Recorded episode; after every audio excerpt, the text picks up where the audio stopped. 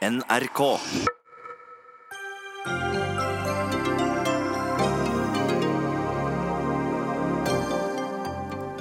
Det nye rød-grønne fylkesrådet i Viken vil ikke ha noen utvidelse av E18 vest for Oslo.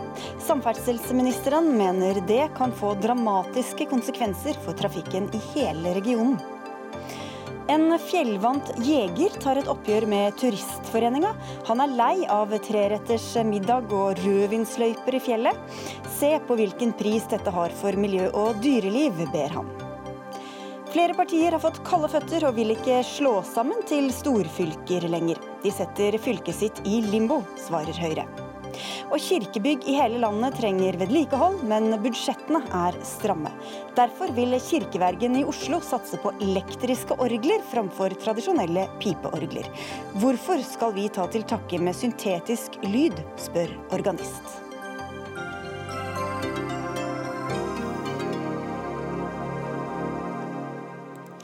Vi begynner med et veiprosjekt som angår veldig mange nordmenn, nemlig alle som fra tid til annen kjører bil eh, gjennom Oslo. Hele det nye E18 vest for hovedstaden er nå i spill, skal vi tro politikerne. For nye Viken vil ikke ha noe av motorveiplanene til Vegvesenet og regjeringa. Det ble klart da Arbeiderpartiet, Senterpartiet, MDG og SV la fram den politiske plattformen til det nye fylkesrådet i Viken. Og dermed har den ti år lange veistriden fått nok en omdreining. Dette berører mange. Også dere på Ramstadsletta i Bærum, Fred Gonsolt. Du er nestleder i sameiet Ramstadsletta 4446, som består av 24 leiligheter. Og dere fikk et brev i 2014 om at dere ville måtte flytte fra sameiet pga. disse planene om å utvide E18 vest for Oslo. Hvordan var det å få det brevet? Nei, det er jo ganske lenge siden vi fikk det brevet. Og vi har jo da levd i den usikkerheten som vi har gjort nå i ti år. Eh, og eh, stor uforutsigbarhet. Eh, vi vi har, mange som lever helt til det uvisse. Vi har fått livet vårt på vent. Noen av oss har barn, lurer på når skal vi flytte, hvilken skole skal vi gå på. Endelig nå så, så det ut til at ting begynte å løse seg. Vi har hatt diverse møter med advokat, vi har takstmann som skulle komme på mandag. Så nå var, liksom på en måte, nå var alt spikra, endelig etter ti år i uvisshet. Så kommer da disse utspillene her og på en måte setter kjepper i hjulene nok en gang. Men nå er vi mektig lei. Men blir dere ikke glad da, hvis dere slipper å flytte? Nei, vi gjør ikke det. For vi vet at før eller siden så må vi det. Og da blir livet vårt bare satt på vent enda en gang. Det er mulig at planen er å på en måte slette E18 fullstendig for en gang for alle. At det er det, at det her er en sånn delgreie. Men det tror vi ikke noe på. Så på en måte hvis du skal bare bygge den klattvis til strand, som de da ønsker å gjøre nå, eh, det, måte, det er helt horribelt i utgangspunktet å gjøre det. For det er jo så så Den veien som er lagd nå, den er en ny, fin vei som tar hensyn til miljøet. Alt går under bakken. Eh, og det er tatt hensyn til kollektivtrafikk, gang og sykkel på oversida. Ja, nå snakker du om planene som foreligger. På, på de, de planene som foreligger. Ja. Så hvordan er det da å leve i denne med beskjed og kontrabeskjed litt om hverandre? Nei, Det er jo helt forferdelig. og Jeg, jeg kan jo bare snakke for meg sjøl, men jeg syns det er helt grusomt å leve det uviset. Vi prøver jo på en måte å forskyve det, men det er sånn, man vet hele tida at snart skal man flytte. Uh, og vi kan på en måte ikke pusse opp leiligheten, eller vi tenker at det er kanskje ikke nødvendig å gjøre nå, for vi skal, må flytte snart allikevel. Vi har levd sånn i så mange år nå, så nå er vi møkkalei alle som bor der. en kan... del har flytta ut allerede. Ja, for det var, var, det jeg lurte på. Da kan du egentlig bare flytte, hvis du uansett tenker at du kanskje må det? Jo, ikke sant? det har vi jo kunnet nå fram til nå, og, men da må vi selge til Statens vegvesen. Da, ikke sant? Mm. Og da må vi gå inn for den løsningen. Men vi har satt og venta på den løsningen som kommer, fordi vi vet at eh, når vi da blir tvangsflytta, som vi gjør når da den nye veien kommer, eh, så vi vil få tilsvarende bolig. Det vi vil, vi vil, vil vi ikke få på den nye eh, med den løsningen som da har vært frem til nå. Så dette angår jo selvfølgelig dem som bor i nærheten, men også mange andre som kjører på disse veiene, enten um, privat eller uh, i bedriftskjøreøyemed. Gjermund Skaar, du er gruppeleder for Akershus fylkesting for sitte representerer SV, og var med i disse forhandlingene i forbindelse med det nye rød-grønne samarbeidet i nye Viken. Um, hvordan reagerer du når du hører hvilken usikkerhet dette skaper? Jeg må bare si at jeg, jeg skjønner veldig godt uh, den frustrasjonen. Jeg er sjøl togpendler gjennom Bærum fra Sandvika. Kjører toget langs den E18 som er stappfull av biler, som er helt overbelasta. Derfor så står det helt eksplisitt, og der var alle partiene helt enige om, at noe må gjøres. Og så mener vi da at Løsningen er ikke mer vei og mer trafikk, men løsningen er mer kollektivt mer buss, mer tog, mer sykkel, og for så vidt mer gange også, selv om det er jo mest av de første her. da. Eh, og Det er det, er det som er problemet med den, eh, det veiprosjektet som nå foreligger. Fordi eh, eh, Oslopakke 3 er et ganske skjør balanse, og dette vet jo de to på andre siden av bordet her veldig godt. Eh, hvor alle partiene prøver å lage et kompromiss. Forrige gang man lagde et kompromiss med dette, hvor, hvor til og med SV var med på det, så gikk eh, regjeringa ut og overkjørte lokale myndigheter ved å tvinge gjennom enda mer vei. Og Det er det som vi sier nå, at vi skal ikke være med på det. Det vi skal være med på, det er å bygge mer kollektivt, mer sykkel og gange, og få folk over på de kollektive grønne løsningene. Om vi skal prøve å skjønne litt av hva som kan skje nå, samferdselsminister Jon Georg eh, Dale. Du har reagert på det hele dette utspillet og sier at det kan få dramatiske konsekvenser. Hva slags konsekvenser tenker du på da? Nei, Det ene er at det kan ha store konsekvenser for utviklinga på E18-prosjektet isolert sett. Men E18-prosjektet er også en del av Oslopakke 3. Oslopakke 3 er grunnlaget for at regjeringa har avtale både med Oslo og Akershus, som gjør at vi bidrar med milliarder av kroner til f.eks. utvikling av kollektivtilbudet. Og Det er ikke sånn at det som det nye flertallet i Viken nå setter i spill, bare er E18-prosjektet. Det er hele grunnlaget for Oslopakke 3. Det er hele grunnlaget for byvekstavtalen mellom staten og Oslo og Akershus. Og Det som de nå tar til orde for, kan potensielt sette flere prosjekt i fare. Og Da er det både E18, det kan være ny T-banetunnel i Oslo, og det kan være Fornebubanen. Men hvorfor er ikke dette bare noe dere kan overlate til lokalpolitikerne i de regionene det gjelder å finne ut av?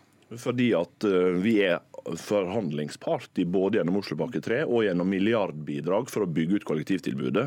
Så jeg hører at SV og det nye flertallet sier at de vil ha mer kollektivtilbud, men det de reelt sett gjør, er å sette store, viktige kollektivbeslutninger i, i uh, vesentlig høyere risiko. Og Grunnen til at de gjør det, det er at de sier de vil gå tilbake igjen til et alternativ som de var for i 2016. Det alternativet som de var for i 2016, som de vil tilbake igjen til nå, det var utreda at Statens vegvesen sendte et brev til avtalepartene i Oslopakke 3 i 2017. Der sier de at det alternativet som det nye flertallet i Viken nå vil tilbake til, gir høyere miljøbelastning, det er trafikalt uheldig, det gir dobbelt så lang byggetid, flere hus langs traseen må rives, og det blir dyrere. Det er det alternativet det nye flertallet vil tilbake til i Viken. Og det er komplett ubegripelig at en vil velge dårligere miljøløsninger, lengre byggetid ja, og større konsekvenser. Okay, ja, ja, og, og eh, det, har jo, det, har jo, samferdselsministeren helt rett i, det han sier nå. Men han har bare rett så lenge premisset er at man skal bygge mer vei inn til Oslo. Og det er bare rett så lenge premisset er at det skal være flere biler som skal kjøre fra utsiden av Oslo inn til byen. Men, og det er, men vil, du, vil du holde til det alternativet det, til 2016. Nei, det, nei, beklager, det, det, er problemet til eh, Fremskrittspartiet og eh, samferdselsministeren her. Det er at man legger opp til en politikk hvor flere skal kjøre bilen sin inn til Oslo sentrum. De kjører over 100 000 biler på den E18 hver eneste dag nå. Men hva vil dere gjøre med den veien, stemmer det at, dere vil tilbake til dette forslaget som, som, ble utredet på den måten? Det som står i avtalen her, står, der står det ingenting om hva man skal bygge, hvordan man skal eh, legge til rette en ny E18. For min egen del, for SV sin del, eh, så er vi interessert i å legge veldig mye av den veien under bakken. Vi er interessert i å legge veldig mye i tunnel. Eh, og vi er interessert i å gjøre okay, om det, den veien. Det stemmer ikke det Dale til... sier, at dere vil tilbake til det forslaget fra 2016? Vi, vi, vil tilbake til det forslaget fra 2016, det vil vi. Men det legger til grunn en helt annen utvikling av den veien. Hvor man ikke skal ha f.eks. tolvfelts motorvei inn mot Oslo. Og det skjønner, tror jeg, alle, unntatt samferdselsministeren, at det er en dårlig idé. Ja, for det er jo sånn at Stortinget har vedtatt, det vet du veldig godt, at det skal ikke være noe trafikkøkning inn til byene utenom eh, i, kollektiv eh, og, vei, nei, og, og sykkel og, og, og, gange. Så de følger jo egentlig bare opp det stortingsvedtaket? Da? Stortinget har vedtatt Oslopakke 3. Der inngår også avtalen om utbygging av E18. E18 er økt veikapasitet. Og flere biler. Men det er også, og en sentral del av det, bedre til, eh, tilgjengelighet for bussen gjennom eget felt. Det er et sykkelveiprosjekt Så det er flere deler av, av utbygginga av E18. Men det som er fint Men vi vet at det vil føre til flere biler også. Nei, det vet vi ikke. Det er i hvert fall det Nullve null nullvekstmålet gjelder for avtaleområdet Oslo og Akershus, også i fortsettelsen ved utbygging av E18. Men det som er poenget, det er at nå bekrefter SV at de vil tilbake igjen til 2016-alternativet. Et alternativ som er høyere miljøbelastning, dobbelt så lang byggetid og er dyrere. Og. Hvordan kan det være mulig å forsvare i en situasjon der vi trenger en rask utbygging, også med hensyn til kollektivtrafikk? Ja, for Det var litt vanskelig å skjønne. Du sier at du vil tilbake til det, men ikke egentlig det. Bare oppklar det litt, er det greit? Altså, vi, vi vil tilbake til 2016-avtalen i Oslopakke 3. Men Eh, det ikke den fordi- veien som ble utredet da? Som det aller eh, Samferdselsministerens brev eh, hvor han hen, som han henviser til, legger til grunn en veiutbygging med flere biler inn til Oslo sentrum. Det er utgangspunktet til- samferdselsministeren. Så Det betyr at det brevet blir eh, utelukkende en fortelling om at man skal ha flere eh, filer, mer kapasitet og flere biler inn til, inn til Oslo sentrum. Det, Ja, det men er- har dere et klart alternativ for hvordan den veien skal se ut? Er det det fra 2016, eller er det ikke det? Eh, Poenget er at Det som er fra 2016, er bestemt fra Lysaker til Strand. Dette blir, eh, dette blir litt, litt, mer litt tek litt, litt mer teknisk enn det som egentlig er nødvendig her. Det som er, det som er viktig, det er at avtalen fra 2016 sier at man skal komme tilbake igjen til de videre strekningene. Og Det betyr at det jeg kan si, det er at vi vil ha det under bakken, og vi vil ha nærmiljøprosjekter, og vi vil passe på at vi tar vare på eh, de som er fastboende langs med veien. Okay, men, men- det må være til grunn at man ikke skal eh, legge, til, legge opp til flere biler inn til Oslo sentrum. Men så er det da spørsmålet hvordan skal dere klare å få alle disse andre brikkene på plass, som gjelder kollektivtrafikk i Oslo, Akershus eller er er jo ikke Akershus lenger, men, eh, men, men når, når en så stor brikke faller ut av hele spillet? Poenget er at Vi var jo enige i 2016. Og Så kom samferdselsministeren og regjeringa og sa nei, nei, dette går ikke fort nok, vi vil ha enda mer vei. Så brøyt de avtalen som lå til grunn mellom lokale parter. Dette er ikke så viktig for, for veldig mange som lytter, men det som er viktig, det er hvilken retning ønsker man. Ønsker man mer bil, eller ønsker man mer tog og buss? Og Det er det eh, samferdselsministeren egentlig må svare på. Det er, det er faktisk et ganske enkelt ja- eller nei-svar på, på dette. Altså. Du snakker deg vekk fra realitetene. Realitetene er at der er en enighet om Oslopakke 3 som er nyere enn den fra 2013. Den er Akershus gått god for, den er Oslo gått god for, den er staten gått god for. Når du nå sier at dere vil gå vekk fra den enigheten vi har om Oslopakke 3, så bekrefter det det jeg sa innledningsvis. Det er mer enn E18-prosjekt som er i fare. Dere rykker tilbake igjen fra den avtalen vi har om Oslopakke 3, og dere setter med andre ord både E18-prosjektet i fare, Fornebubanen, T-banetunnel, en rekke andre prosjekt som Jo, ligger i Hvis det var en enighet der i 2016 som dere kom og, og ødela for, eller sa at ikke gjaldt lenger, Nei, men- kan, da, kan ikke de få lov å gå tilbake til den eh, Akershus gjorde vedtak som brev senere fra Statens vegvesen til partene viser at de gir høyere miljøbelastning, er trafikalt uheldig og er mye dyrere. Og Derfor gjør Akershus nytt, derfor gjør Akershus nytt vedtak. Men Statsråd Dale brøyter avtalen. Nei, det gjorde vi jo naturligvis ikke. Vi, både vi og Stortinget sa at vi ønsket en utbygging av E18 i tråd med de planene vi hadde fra tidligere. Ok, Vi skal slippe til deg også, eh, fra, fra Ramstadsletta Gonsolt. Ja. Eh, ja, altså det er jo, Dale har jo et helt klart poeng her. For det er jo det som er med den avtalen fra 2016. Det er jo det er ikke noe tvil om at i hvert fall ut ifra det jeg har sett, det er den dere vil tilbake til. Uh, dere, men dere er enige at dagens vei som ligger der i dag, den har stor miljøbelastning, ikke sant? Den veien som ligger der i dag, må det gjøres noe med. For Ja, den er fullstendig overbelasta. Ja, det er enig med stappfull av kø. Eh, Og som togpendler som ser den veien hver eneste dag, så kan jeg bare si at den veien er helt Der er jeg veldig enig med deg. Og så sier du at du vil tilbake til det alternativet som var i 2016. Som det da var en avtale med den gangen. Så er det da blitt øh, overprøvd av regjeringa igjen. øh, Og lagt ny sånn som det på en måte foreligger nå. Med en ny miljøvei som ikke er så brutal som det du prøver å forestille det som. øh, Som har det meste i tunnel, tunnel akkurat sånn som du vil ha. Og som på en måte har kollektivtrafikk, gang og sykkel på oversida. Som legger til rette for alt det, det, alt det der greiene der. Vi tar det Men litt det- for det er så mange som ikke eh, kjenner til akkurat Ja, akkurat ikke sant? de Men det som er poenget her. mitt da, for oss som bor på den veien, det du vil, er å stoppe det på Strand. Da vil vi fortsatt leve i den uvissheten som vi har levd i i ti år. Folk vil få det enda mer vanskelig. Folk må sette livet på vent. Enten det er folk med barn eller eldre som på en måte må sette livet sitt på vent.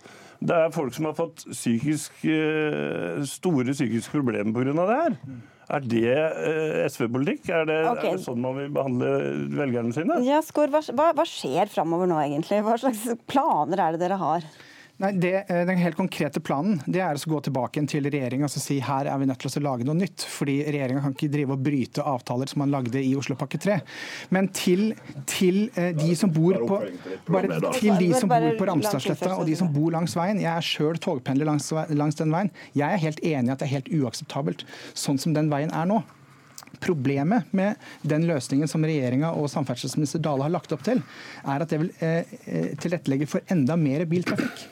Og Det betyr at eh, du vil ha mer biltrafikk eh, for så vidt langs Ramstad også, selv om der vil mesteparten av, eh, mesteparten av bilene gå under tunnel. Men det vil også være flere biler inne i Oslo sentrum. Men foreløpig så, altså, så, så, så, må de leve i like stor usikkerhet framover, alle som bor langs denne veien, da? Altså, brevet, brevet, som beboerne her ute fikk i forhold til utløsning av boligene deres, kom før forrige uh, avtale om Oslopakke 3 var igangsatt. Så jeg kan ikke, Selv om jeg, jeg åpenbart ikke bestemmer dette, og det bør jeg kanskje ikke heller, eh, så er det sånn at det, den prosessen med å løse ut de som bor der, den kan man jo sånn sett fortsette. Selv om man nå lager nye, grønnere og bedre måter å bygge E18 på. Ok, så til slutt, Dale. Det har jo vært et demokratisk eh, valg her. Eh, kan dere ikke bare forholde dere til at sånn er det nye flertallet, og så prøve å finne et best mulig løsninger ut fra hva også lokalpolitikerne ønsker? Vi, vi må forholde oss til det lokalpolitiske flertallet, men jeg har jo oppfordra politikerne i Viken om å besinne seg. For dette har potensielt store konsekvenser både for de som bruker E18, de som bor langs traseen, men også de som er avhengig av videre kollektivutbygging i det sentrale, sentrale østlandsområdet. Og Det er jo det som er det reelle poenget. Der er gjort nye vedtak i Akershus fylkeskommune. Fylkestinget slutta seg til den utbyggingsplanen som ligger for dagens E18. Arbeiderpartiet, som nå inngår i nye flertallet, var med på det. Stortinget slutta seg til det. Det, det, det nye flertallet i Viken nå gjør, er aktiv omkamp som blir dyrere, det blir dårligere for miljøet, okay. og det blir mindre muligheter også for kollektivtilbud i framtiden. Veldig ti sekunder på slutten, Skår. Ja, det er ironisk at uh, samferdselsministeren har lyst til å bruke enda mer bompenger uh, i Oslo-området på enda mer vei, når flertallet ikke ønsker den veien, verken i Viken eller i Oslo. Det er Dere, beklagelig. Vi må stanse der. Vi skal snakke mer om nye flertall og omkamper litt seinere i sendinga, men vi sier tusen takk til dere tre. Fred Gonsolt fra Ramstadsletta, til samferdselsminister Jon Georg Dale og til deg, Gjermund Skaar fra SV og Akershus. Dagsnytt 18 alle hverdager kl 18.00 på NRK P2 og NRK2. Er du en av dem som liker å ferdes i Norges vakre natur- og fjellområder, men ikke er så begeistret for det spartanske friluftslivet? Da vil du kanskje benytte deg av en hytte som er betjent, hvor det er rødvin å få, tre retters middag og dusj og vannklosett. Men mat og drikke og andre saker kommer ikke fram av seg selv. Det må fraktes gjennom fjellområder som i utgangspunktet er stengt for gjennomkjøring. Og dette er du lei av, Hans Jørgen Jaren. Du er jeger og sekretær for Øvre Numedal fjellstyre, og du tar et oppgjør med Den norske turistforeningen, opprinnelig gjennom en sak i TV 2-nyhetene. Hva er problemet? Nei, Jeg stiller meg undrende til at eh, DNT kan godkjenne hotelldrift i indrefileten av Hardangervidda, der det er store verneverdier og bl.a. villrein som ansvarsart. Så Det er et eh, hovedanliggende. Og så er det jo, synes jeg må jo understreke det også, at jeg er DNT-medlem og ser veldig fine verdier i mye av det de har. Men jeg vil jo håpe at de går litt tilbake til det mer enkle friluftslivet. Når du sier hotelldrift, så er det ikke ordentlig hotell egentlig, men det, det, det lages hoteller, det er tilbud som på et hotell. Du kaller det rødvinsløyper? Ja, det er jo klart eh, virker litt flåsete, men eh, det er for å si litt om eh, noen ganger kanskje hvordan det oppleves å, å gå fra hytte til hytte. Anne Mari Planke, du er leder for friluftsavdelinga og naturforvaltningsavdelinga i Den norske turistforening, altså DNT, som vi hører her. Hvor, hvor mye og ofte er det dere transporterer i disse områdene, egentlig? Vi, vi, har jo eh, en eh, hytte- og rutenett som er over hele Norges land. Vi har eh, over 500 hytter.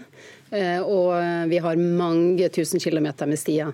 Alt dette her må jo forvaltes på en måte fra vår side, og vi må transportere ting inn. Og av våre 42 betjente hytter som vi har, så, så trenger vi litt transport. Vi har ikke noe fullstendig oversikt per i dag her i DNT sentralt om hvor mye vi transporterer inn, men vi gjør alt vi kan for å ha en, en god forvaltning av hyttene våre og redusere transporten til et minimum. Da. Hva slags belastning gir disse, denne transporten, mener du, Jaren? Nei, Det er jo en ferdsel som uh genereres, eh, og som er klart skadelig for villrein og villreintrekket. Villrein er avhengig av veldig store områder for å få en fri ferdsel og kunne leve fritt. Og det ser vi nå at det er eh, sider ved utviklinga som ikke er god. Altså Der det er over en 30-40 eh, Eh, daglige ferdsler, fersler, så er det et hinder ofte for villreinen. Nå har vi en tendens til at den klumper seg sammen i områder, og det er en utvikling som vi er litt redd for. Men Beskriv denne standarden, da, som du åpenbart mener er kanskje litt i høyeste laget, siden den krever all denne transporten. Altså Det er jo gjerne varmt vann på alle rom. Vannklosett har kommet, krav om det. Eh, dusj. Som en sa, nå er det ikke bare at vi skal ha en dusjing til betjeningen og en sjelden gang, men kanskje dusje både morgen og kveld. Og Det er de utviklingsrekkene der. og Jeg må jo si at jeg ville ikke DNT til livs. Det er ikke det som er poenget mitt, men det er å utfordre litt på å ta tak i en utvikling og en trend som vi ikke liker. Hotellstandard, hvorfor skal det være så fjongt å gå i fjellet? Nei, Jeg vil jo virkelig sette spørsmålstegn med betegnelsen hotell. Vi driver ingen hotell i fjellet. Vi har da 42 betjente hytter som har en, enk en enkel standard som er langt fra hotell. Vi har fellesdusjer, vi har gjerne utedo. Eh, vi har eh, sovesal, eller så kan du ligge på tomannsrom. Det, eh, det kan du for så vidt velge. Men det som vi er opptatt av, er jo å ha for så vidt et differensiert tilbud i fjellet, der vi kan få folk ut på tur, og de kan finne et tilbud som passer til deg. For det er ikke alle som kan leve på de aller, aller enkleste steinbuene oppe i fjellet. Men de aller, aller fineste hyttene, da, hva er det de tilbyr? Ja, eh, vi mener jo at det er enkle, fine. Ja, ja, ja, du skjønte hva jeg mente. ja, ok. Eh, de tilbyr eh, gjerne en Du kan få mat der. Det er jo kanskje det viktigste. Du kan få servert mat. En enkelt tallerkenrett eller en treretters middag. Og ikke minst så kan du møte vertskapet, som gir deg den eh, tryggheten du skal ha for å finne, komme ut i naturen på en måte som gjør at du Vi kan få barnefamilier, de som er ukjente med norsk natur, til å komme ut. Og den tryggheten er viktig for mange. Men så er det elektrisk, eller det er elektrisitet, og det er, eh, det er eh, vin og dusj og øl og alt man skal et hjerte kan begjære? Ja, vi er opptatt av at folk når de kommer til våre hytter, så skal de også få gode opplevelser. Og God mat og god drikke er en del av en god opplevelse. Gjerne lokal mat som vi har eh, fått fra jegerne lokalt.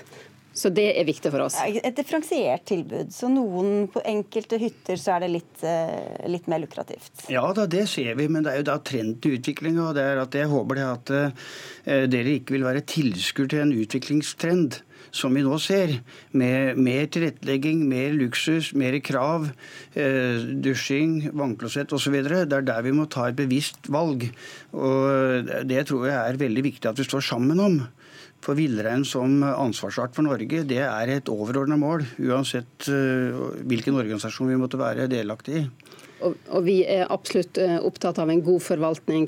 Og, eh, og sammen med alle forvaltningsnivåer i Norge så er vi opptatt av dette her. Og, eh, og, vi gjør det vi kan for å feie for egen dør. Og vi, har, eh, vi, skal inn i en ny periode med god bærekraftstankegang rundt våre hytter. Og dette her er en diskusjon som vi kommer tilbake igjen til. Men, men alt dette som da skal være dette tilbudet, som da vi har hørt fører, fører til all denne frakten, har dere sett på nøyaktig hva slags konsekvenser det har for dyrebestanden og for miljøet hvor, hvor det ferdes? Eh, vi har jo et tett samarbeid med forvaltninga i Norge. og All transport inn til våre hytter det blir gitt gjennom eh, løyve. Og Vi stoler på at den norske forvaltninga har god kontroll på hva de gjør, og har eh, måleparameter på hva tåler villrein, hva tåler annen sårbar natur. Så vi stoler på forvaltninga i dette her Altså DNT har jo generelt løyve til å kjøre stort sett etter behov. Og det, de har jo en stor ferdsel i Buskerud. Hvor jeg er, så er jo DNT, eller turist Eh, de som dem representerer, den som kjører mest på vinteren i Buskerud. Det er jo eh, tydelig at det er veldig stor ferdsel. Men vi ønsker jo da at det skal være, og jeg ønsker jo da at det skal være et flott tilbud, men kanskje det skal tilbudet skal være der det er veier, der det er randsoner mer. Mens kjernen av området, f.eks. i nasjonalparken, der må vi være veldig forsiktige. Ellers så ødelegger vi noe av grunnlaget for vernet. Noe av grunnlaget for vernet var i villrein. Og det er helt sentralt for oss i, i, veldig mye av det vi gjør, og det vi bør gjøre. Hva er det du har med deg når du drar på tur, da?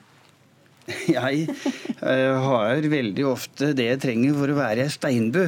Jeg har noen enkle sånne buer som jeg syns er veldig flotte, og som har sjel. Og som jeg har lagt min elsk på. Ikke noe kartong? Med vin. men, eh, men, det er jo også fint å tenke på at vi har en 150 års tradisjon på en delingskultur der vi deler hytter. Og enklere enn det kan det vel knapt bli. Nå har dere i hvert fall fått en advarsel fra jegeren her, så vi får si tusen takk til dere begge to. Hans Jørgen Jaren som også er jeger og sekretær for Øvre Numedal fjellstyre, og til deg, Anne Mari Planke, leder for friluftsavdelingen og naturforvaltningsavdelingen i Den norske turistforening.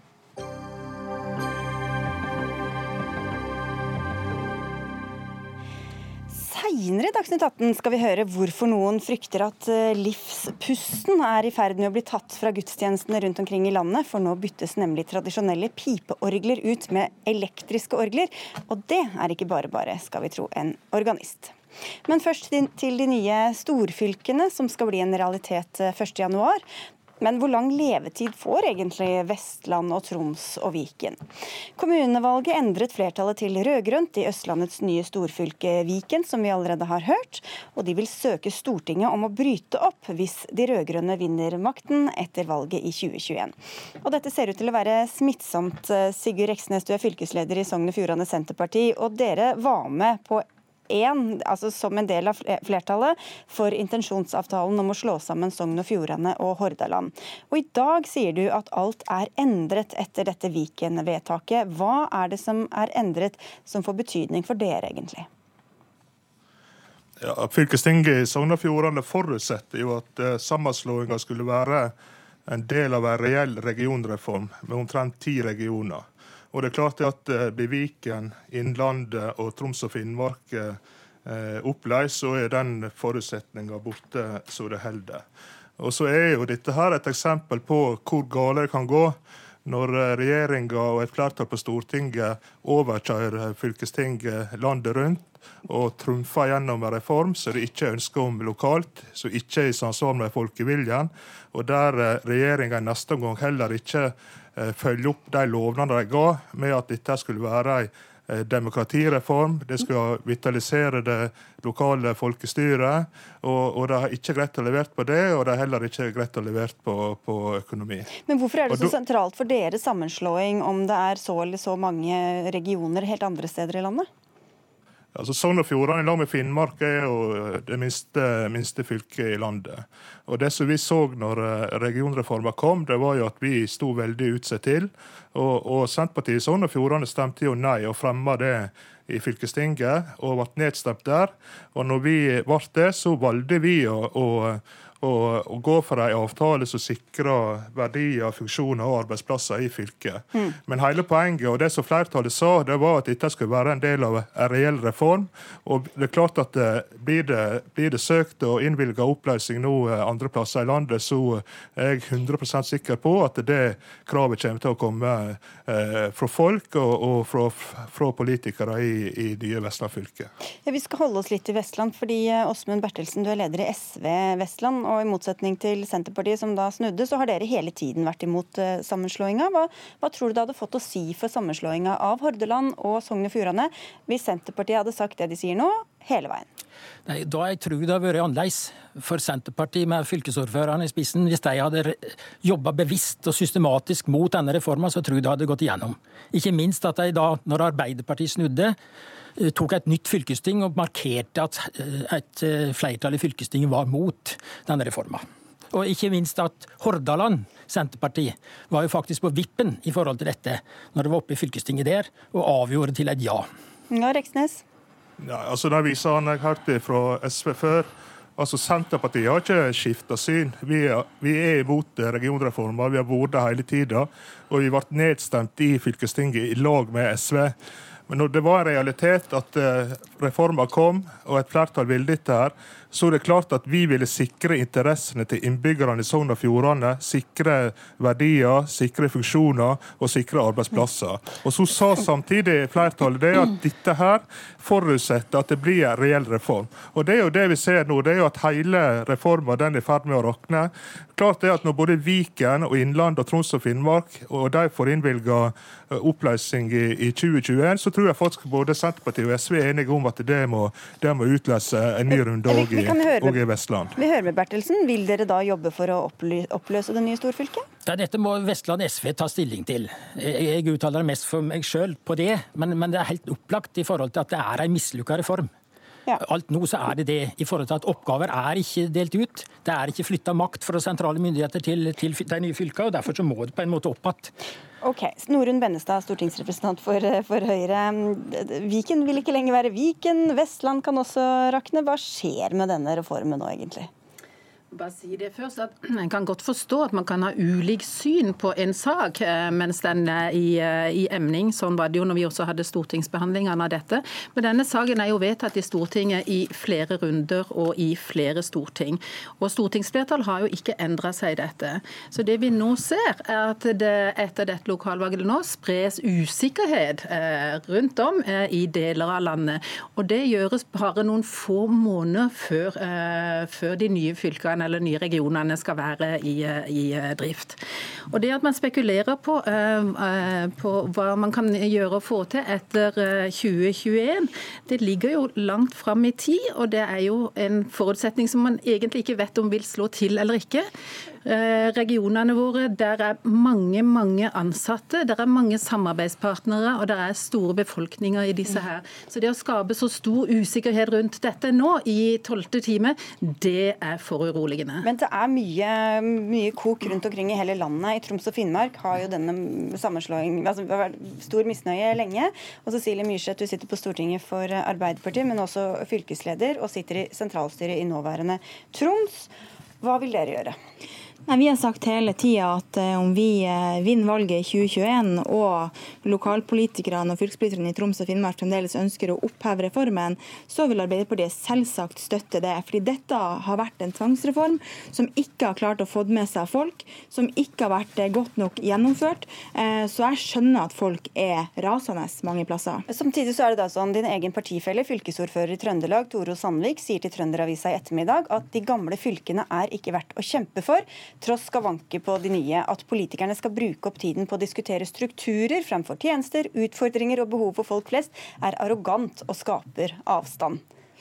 Ja, Der er nok jeg og Tore litt uenige, og det skal vi nok tåle helt fint. Eh, og jeg tenker at Trøndelag er jo en litt spesiell situasjon, for de ønsker jo i utgangspunktet sjøl også å slå seg sammen. Den regionen som jeg kommer fra, der det, har det hele tida vært et stort folkelig opprør mot dette, eh, og det må man også ha respekt for. Og Det er også de samme partiene som har vunnet valget i, eh, i dette lokale valget. også. Men tenker du at befolkningen er, er, tjent med at man skal fortsette med denne usikkerheten nå i flere år framover? Jeg er helt sikker på at de lokale og regionale politikerne som nå skal styre de nye fylkene, uavhengig av hvilken størrelse det blir, kommer til å sørge for gode tilbud til befolkninga, uavhengig av eh, om man kommer til å oppheve dette eller ikke. Så det har jeg full, full tillit til. De som har skapt usikkerhet rundt dette, det er jo regjeringspartiene, som ikke har klart å lagt en eneste ny oppgave på bordet, som ikke har klart å flytte makt, som ikke har klart å få eh, oppslutning rundt en reform. Så har vært et dårlig arbeid. Derfor er det opprøret som skjer rundt om i landet, det er pga. at det har vært et veldig dårlig håndverk. Eh, og jeg har forståelse for at det er store reaksjoner ute. Hvor, men, hvor, men, hvor, vellykket kan du ja. si at det har vært hele den prosessen, når du ser hvor ekstremt stor misnøye det fortsatt er? Dette er jo en reform som er i en oppstart, men jeg har lyst til å minne Cecilie Myrseth på det at det er jammen ikke mer enn et års tid siden at Cecilie Myrseth sammen med eh, Jonas Gahr Støre sto utenfor fylkeshuset i Troms og slo fast at dere står bak stortingsvedtaket. Og Hvis ikke jeg husker helt feil, så mener jeg også at Bjørnar Skjæran, nestlederen deres, var ganske tydelig på at det er ingen vei tilbake i spørsmål om sammenslåingen av Troms og Finnmark så sent som i fjor. Om man jammen mener det ennå, det er jeg ikke sikker på. For jeg tror nok at både vi og mange som lytter og seere her, og ellers aktive ute i samfunnet, er ganske forvirra over alle de standpunktene som Arbeiderpartiet har hatt i denne saken. Ja, vi kan jo høre med Myrseth. En ting er, du skal en ting er hva man mener lokalt, rundt omkring, men hva mener egentlig stortingsgruppa? Hva mener partiet nå om hva som skal skje i tilfelle det blir et nytt flertall med alle disse nye storfylkene? Altså, på tross av at spinneriet til Høyre hele tida prøver å skape usikkerhet om hva Arbeiderpartiet mener, så mener vi det samme som vi har ment hele tida. Vi har stemt imot i alle rundene i Stortinget mot denne reformen, men vi har også sagt at når man først har en reform, så må vi selvfølgelig forholde oss til det. Men det er faktisk opp til de regionale og lokale politikerne å få lov til å kjempe imot dette. Og når man ser valg etter valg eh, at det fortsatt er den samme motstand, så tenker jeg man må ha litt respekt for, eh, for de valgene som, som, er ute. Mm. Men Betyr det at hvis det blir et nytt flertall i 2021, så vil Arbeiderpartiet bare la det være opp til hver enkelt region å bestemme om de skal fortsette sånn eller ikke? Ja, det er det Jonas har sagt opptil flere ganger. Eh, og det er på en måte den tydelige beskjeden. Dersom man eh, ønsker det fra regionalt hold, eh, så kommer vi til å støtte det om man sender en søknad om å oppheve denne tvangsreformen. Ok, Reksnes, Hvordan skal innbyggerne kunne stole på at noen ting blir gjennomført i det hele tatt, når det stadig da blir nye omkamper? vi som sitter rundt om i fylkene, vi kommer til å gjøre den jobben vi er satt til å gjøre. Sørge for gode tjenester til innbyggerne og få dette til å fungere. Men i stedet for at Høyre skal kritisere oss som faktisk sitter med dette ansvaret, så bør Høyre faktisk begynne å levere på det de har lovt. Og Det vi ser nå i Vestland fylke, er at vi har eh, en eh, utfordring på 500 millioner kroner. Så, så vi har underdekning på budsjettet første år. Altså Vi skal skjære ned 500 millioner kroner. og Det er starten på det nye fylket. Og Vi har heller ikke fått noen oppgaver som Høyre har lovt oss tidligere. Og jeg, jeg, må bare si det at det utgangspunktet som vi har nå, det kunne knapt blitt verre. Ja, du, her, har, her har regjeringa et ansvar som de ikke har ja, De skal få svare på det, men Hvordan skal dere styre trygt og godt holdt jeg på å si, med, med en reform som dere da egentlig vil reversere samtidig? altså Kjøre to parallelle prosesser? da? Dette er helt uproblematisk. Vi har nå gjennomført en prosess fram mot sammenslåinga som har vært veldig god. Og det er klart Dette er ikke noe quick fix, men dette er så gjennomgripende samfunnsendringer, en så sterk sentralisering i landet vårt, og det at det, det er så dårlig forankra, et så knapt flertall på Stortinget som har gjennomført det, og to små partier, Venstre og KrF, som sto bak dette, det er det som gjør at du får det resultatet som du har nå, med den usikkerheten og den misnøya som er rundt om for det som skjer nå. Men det som er litt trist, eh, er at vi har eh, nå over flere år hatt flere omkamper eh, i Stortinget på dette, anført av Senterpartiet. Og så har vi sett at Arbeiderpartiet etter hvert også har hengt seg på. Det skaper en stor usikkerhet i dette. Og Det er fint at man engasjerer seg og at en brenner for noe, men det er et gjeldende stortingsvedtak på en reform som skal settes i, i verk nå. Og det jeg tenker litt er at det, Dette dreier seg om fylkeskommunens struktur. Det som faktisk vil avgjøre eh, hvordan vi vil klare å bevare velferdssamfunnet i framtida, det handler faktisk om hvordan vi klarer å stå i tøffe omstillinger. Det er vi nødt til for å sikre en bærekraftig framtid. Og da er det trist, ja, bare si en ting der. Og da er det ganske trist å se at Arbeiderpartiet, som har vært et styringsparti, og som har vært vant til å stå oppreist i uh, tøffe reformer, nå ser ut til å uh, ha tatt en helt annen. Ja, jeg skal bare spørre, fordi du, altså, Vi hører hele tiden fra stortingsrepresentanter, også fra Høyre, Høyre at et, et, stortingsvedtak er bare gyldig til et nytt vedtak kommer. Så hvis det kommer et nytt flertall med et nytt vedtak, så er vel det like gyldig som det vedtaket som, eh, som kom i 2017. Men eller det man må ha, ha her, da, er at her forutsetter man eh, noe som man, ingen av oss har kontroll på. Det er faktisk ganske lenge til 2021, og de som har vært i politikken en stund, vet at mye kan skje på to år. Ja, jeg må bare få si, jeg må få si her, sier at, eh, at jeg har hørt eh, Høyre nå to dager i Stortinget eh, har laga et sånt budskap om at Arbeiderpartiet var så mye bedre før. Nå har man hengt seg på et annet parti og hva de mener. Det er jo bare tøv. Eh, Arbeiderpartiet har hele tida vært imot denne tvangsbruken. Og jeg tror ikke det er sånn at Høyre syns at Arbeiderpartiet var så mye bedre for 10 eller 20 år siden. Jeg tror vi alltid har vært uenige. Men Høyre burde kanskje bruke litt mer tid på å lytte på det opprøret som faktisk er der ute. I Nord-Norge er Høyre helt utradert. Man har kanskje maks tre Det er vel Arbeiderpartiet òg, egentlig? Ja, ikke det er vi faktisk ikke. Eh, I hele Nord-Norge så har man til sammen eh, tre eh, ordførere igjen. Jeg tenker, Det tar noen signaler, da. Ok, men hvis, vi skal slippe til Bertelsen også. Hva vil dere gjøre da? Hvis det blir et nytt flertall, vil dere jobbe også for reversering av alt som er i gang? Ja, Det regner jeg med at vi gjør. Eh, fordi at Det er egentlig ikke en reform. Det som er gjort, det er en ren sammenslåing av fylket uten at det er oppgaver eller økonomi i forhold til å drive det som fylke. Så, så det er alt stor uvisse. Og nå syns jeg regjeringspartiene snart burde begynne å lytte til folk og folkevalgte organ, og ikke bare bruke munnen. Hvordan skal dere styre i mellomtiden, da? Nei, men Vi skal drive fylket, og vi har program for det. Men vi skal også ha med oss at vi, det kan gå mot at det er endring som er, som er bedre. Og I, i Sogn og Fjordane er, er holdninga helt klar. I valgkampen møtte jeg ikke noen, utenom noen topper i noen parti, som var for dette her. Dette sier folk dette er for gale, dette vil vi ikke. Ja, har du møtt veldig mye begeistring Benestad, på din reise rundt? Vi hører jo eh, mange ting. Eh, det forholder meg til. Eh, det er det at har, har, har du hørt noen begeistre det i det hele tatt? det er mange som mener at det er på tide å gjøre en omstrukturering. Så er det nok ulikt syn på hvordan det skulle være. Men eh, det som jeg syns er viktig, og som er et poeng i dette, er det at hvis man skal reversere dette, så blir det jo ikke å gå tilbake igjen til sånn som ting er i dag. Fordi at eh, andre regioner vil ha gjort andre valg og andre, eh, og, og andre prioriteringer. Og har sett holdt på å si, nytten da, av annen struktur. Ok, veldig kort til slutt, mm. ja, Jeg har behov for å si at De regionale politikerne som nå skal styre de nye fylkene, uansett, uavhengig av hvor stor eller små de kommer til å bli til slutt, eh, har jeg full tillit til kommer til å levere gode tjenester og tilbud til folk. Derfor har de stilla til valg. så tenker jeg Vi skal ikke skape usikkerhet om at, rundt at de ikke kommer til å gjøre den jobben fremover, for det kommer de faktisk til okay, å gjøre. Vi, vi får avslutte med disse forsonende ord og si takk til dere alle for at dere var med. Åsmund Bertelsen fra SV i Vestland. Sigurd Eksnes, fylkesleder i Sogn og Fjordane Senterparti. Norunn Benestad, som sitter på Stortinget for Høyre. Og Cecilie Myrseth, som sitter på Stortinget for Arbeiderpartiet.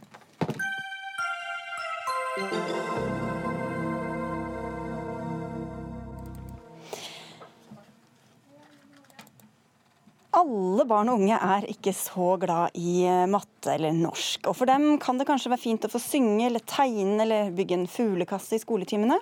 Nå vil regjeringa styrke de praktisk-estetiske fagene, men de våger for lite for å få det til, skriver du i din egen avis Stavanger Aftenblad, der du er debattredaktør. Solveig Rødum Sandelsson, hva er det du savner?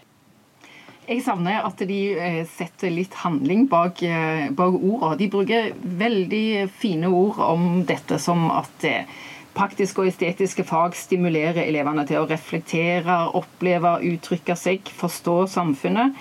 De skriver at fagene bidrar på en unik måte i skolen.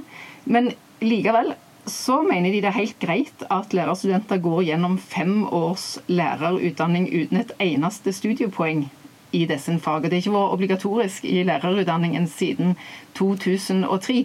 Og uten sånne konkrete endringer, eller å sette litt muskler bak, bak ordene, så syns jeg at dette havner mer i strategien festtaler enn i en politisk handlingsplan. Mange fine ord, med lite handling, Mathilde Tubing-Gjedde. Du sitter på Stortinget for Høyre. Ja, altså jeg er jo egentlig for det første veldig glad for å få mulighet til å diskutere strategien som regjeringen nå nylig la frem. For det er ingen tvil om at vi er nå i gang med en veldig stor omveltning, eller i hvert fall modernisering i Skole-Norge, nemlig fagfornyelsen. Helt nye læreplaner i alle fag, eh, som også handler om praktisk-estetiske fag og dens eh, rolle. Men så er jeg nok uenig med Sandelsson om at det ikke er ganske konkrete tiltak i den strategien. Snarere tvert imot. Kanskje det mest konkrete er jo nemlig også i lærerutdanningen. nemlig at vi nå nå får en ny femårig lærerutdanning i praktisk-estetiske fag. Og studentene som nå utdanner seg til å bli lærere, får jo i større grad enn tidligere velge praktisk-estetiske fag. Og alle skal lære estetiske læringsformer. Altså hvordan kan man variere også norskundervisningen for de som ikke er så glad i den tradisjonelle undervisningsformen, og bruke ulike metoder. Men skal det fortsatt, eller Betyr det at det skal innføres krav, kompetansekrav, hvis man skal ha undervisning i disse fagene på skolen? Nei, altså Kompetansekrav har vi innført for norsk, matte og engelsk. og Vi har jo mange kommuner og skoler som eh, i dag eh, altså, syns det er vanskelig å oppfylle dem, men vi ser jo at det har vært en veldig kraftig satsing. Men det vi derimot har gjort, er jo å sikre en øremerka tilskudd til at langt flere lærere får mulighet til å ta videreutdanning i praktisk-estetiske fag. Og kanskje viktigst av alt, når vi nå får eh, nye, eh, nye læreplaner på plass, så har også kommunene fått eh, støtte. Flytta makt ned til kommunene, slik at de kan prioritere de kursene og etterutdanningen som lærerne trenger i deres kommune. Ja, Var det en lang liste, Sandelsson? Ja, eh, samtidig som, som det er øremerkede midler og som kommunene kan prioritere, så foregår jo det et, et stort lærerløft. Mm. Der det er mange ting som skolene skal. Eh, blant annet så skal alle lærere ha fordypning i eh, norsk, matte og engelsk for å få undervise i de fagene innen 2025. Det betyr at 6800 lærere bare i år skal ut og ta denne etterutdanningen og må få vikarer inn i, i skolen til dette. Eh, det betyr at dette må prioriteres Eh, selv om en kan søke eh, for å få det i praktisk-estetiske fag. Og Det betyr at eh, hvis læreren tar en sånn fordypning i matte og realfag, så får rektor mer vikarpenger fra staten enn hvis det er i andre fag det gjelder. Og det er fremdeles ikke obligatorisk. Du kan legge til rette for at flere studenter skal ta praktisk-estetiske fag. Men eh, det kan altså være sånn at eh, musikklæreren til ungene dine har sin høyeste utdanning fra den gangen han sang eh, Tom Dooley i 8. klasse på ungdomsskolen. Ja, det var jo sikkert vakkert, det. Ja. Men du sier jo selv at man må prioritere. Så mener du da at man skal prioritere dette høyere enn de andre fagene, matte, engelsk og norsk? Jeg mener at det er et så enormt sterkt trykk på eh, matte og engelsk eh, og norsk i norsk skole at en er nødt til å dytte litt på det, eller lette på noe av trykket der for å, å få plass eh, til noe annet. Det er jo sånn at det er nasjonale prøver i eh, femte og 8. klasse. Elevene blir eh, målte i eh, norsk og engelsk og matte. Skolene blir målte på de nasjonale prøvene. Regjeringa legger det ut offentlig ned på skolenivå hvordan de har gjort det.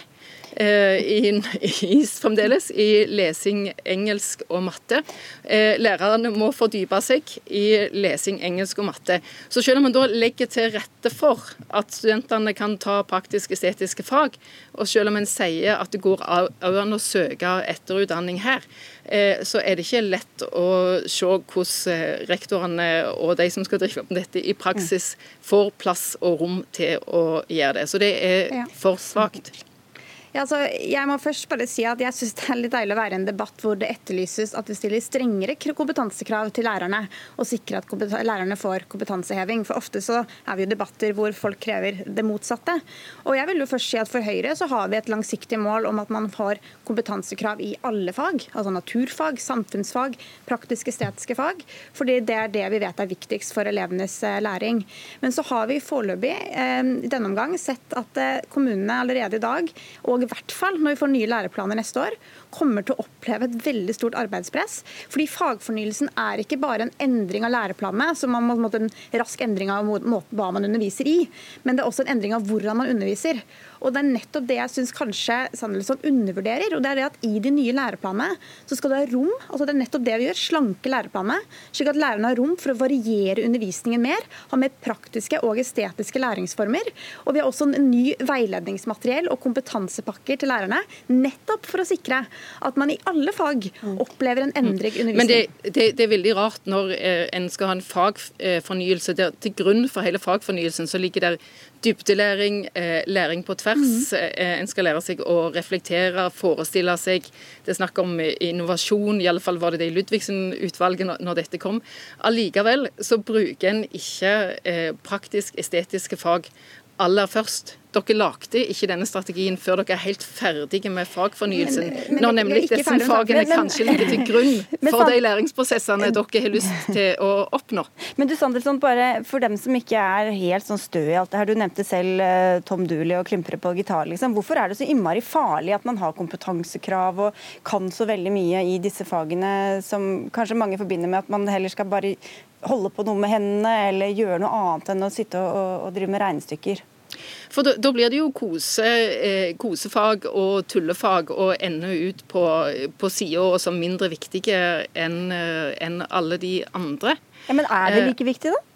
Eh, de er veldig viktige for å få en mer mangfoldig skole. De er viktige for dannelse. De er viktige for de de gir grunnlag for å tenke på tvers. Lage ganger som går på kryss og tvers mellom høyre hjerne, høyre hjerne og venstre hjerne.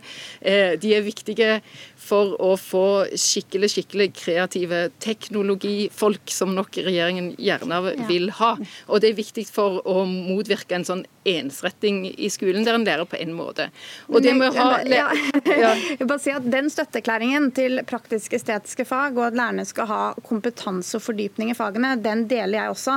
Men igjen så synes jeg at eh, Sandelsson liksom unnlater å nevne kanskje de viktigste tiltakene som vi er i gang med. Og jeg vil bare si at Da vi, da vi, da vi på en måte kom inn i regjeringen, så var det noen ting man starta med ved Lærerløftet. Ja, det var norsk, matte og engelsk.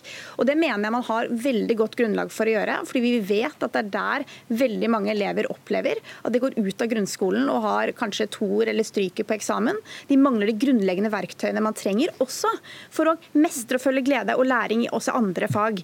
Men så er jeg enig i at vi trenger å styrke praktisk-estetiske fag, men også eh, praktisk-estetiske læringsmetoder i andre fag. Og det er jo det, var inne på. Men, men, bare, til, jeg må stille et spørsmål til Tubring-Gjedde. fordi Dere sier skal eh, satse på alt. Eh, og da sier seg selv at alt kan jo ikke prioriteres. Og når vi hører hva som skal måles og hva som skal være, hvor det skal være krav, så er det jo ganske tydelig at det er ikke i de praktisk-estetiske fagene det hardeste skytset settes inn. Et av tiltakene i den strategien er jo faktisk å se om man skal ha eksamen i praktisk-estetiske fag også. Eh, som, jeg, som man har prøvd ut en del steder. Så man ser også endre holdningene til fagene. Eh, og I tillegg til at vi har eh, innført et øremerka tilskudd til videreutdanning. Det har vi ikke gjort for f.eks. naturfag og samfunnsfag. Så er det åpenbart at man har sett behovet for å fremheve praktisk-estetiske fag mer. Okay, ja, men, men jeg, ja. jeg har lyst til å stille litt spørsmål med det med å bruke læringsprosesser på estetiske læringsprosesser når du selv aldri har hatt utdanning nettopp i de, de estetiske fagene. Det er i lærerutdanningen. Ja. nå skal man lære det, hører vi Sandelsson. Du, vet hva, Vi er nødt til å takke av dere begge to. Beklager litt sånn susing på linja for alle som uh, lot seg bry med det. Men vi sier tusen takk for at dere kom. Solveig Grødum Sandelsson, som er debattredaktør i Stavanger Aftenblå, og til deg, Mathilde Tybring Gjedde, som er skolepolitisk talsperson for Høyre. Noe sånt. Utdanningspolitisk. Ja. Hør Dagsnytt 18 når du vil. Radio NRK Radio.nrk.no.